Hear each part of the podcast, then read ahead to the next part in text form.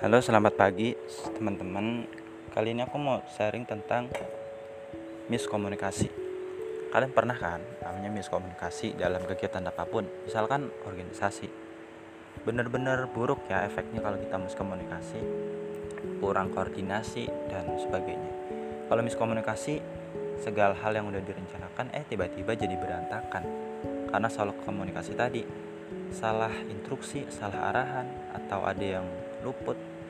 Nah masalah-masalah kayak gini lah ini wajar ya karena nggak ada manusia yang sempurna. Tapi kita bisa belajar kok itulah kelebihan manusia. Kalau ada salah ya kita belajar. Kalau ada yang kurang pas ya kita perbaiki menjadi lebih baik. Kayak gitu. Sebelum ke solusi aku mau cerita tentang masalah yang bisa jadi aku ambil dari pengalaman orang lain atau pengalaman diri aku sendiri. Miskomunikasi atau miscommunication di organisasi atau hal apa pun yang terkait dengan motivasi komunikasi pasti sering terjadi kesalahan instruksi, kesalahan arahan. Contoh ya, di organisasi mau demo nih tentang Omnibus Law. Ada yang ditugaskan untuk membacakan surat, ada yang disuruh buat koar-koar ada yang menjalani transfer ke sana gimana ada yang jadi korlap dan masih banyak lagi urusan. Contoh masalah si korlapnya ini salah instruksi. Harusnya transfernya itu dari kampus ke DPR eh dia malah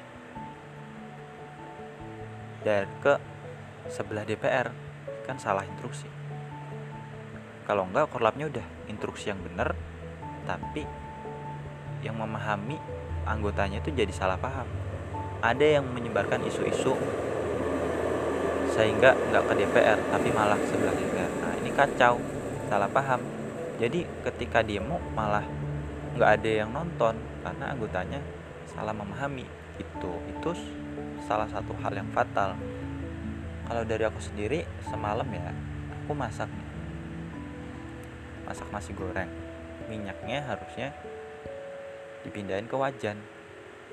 Tapi aku karena menurutku itu udah bersih maksudnya udah nggak ada minyak nih aku taruh di tempat cucian kotor.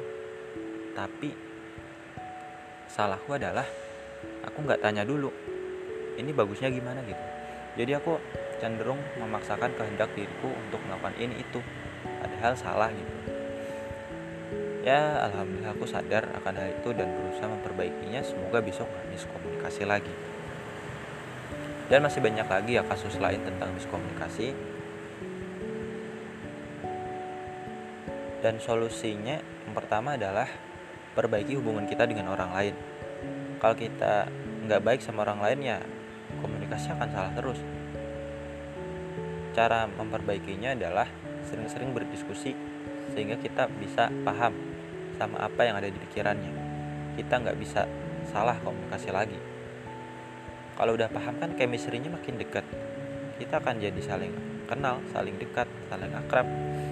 Sehingga kemungkinan untuk salah komunikasi itu kecil. Bisa juga kalian ajak makan ajak minum sekali-kali traktir gitu. Sehingga buat orang itu merasa nyaman ya merasa dekat ya itu langkah yang pertama. Yang kedua adalah sering-sering mawas diri atau perbaiki diri merenungi diri sendiri. Diri kita udah berkomunikasi dengan baik belum sama orang lain? Sama teman kita sama sahabat kita orang tua kita keluarga kita bahkan sama Tuhan. Kita udah punya etika komunikasi yang baik belum?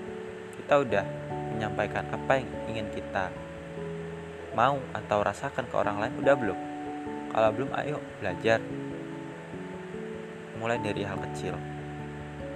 Sampaikan apa yang kamu mau dengan bahasa yang sederhana. Dua tips itu aja yang menurut aku cocok untuk kita yang sedang miskomunikasi. Semoga bermanfaat.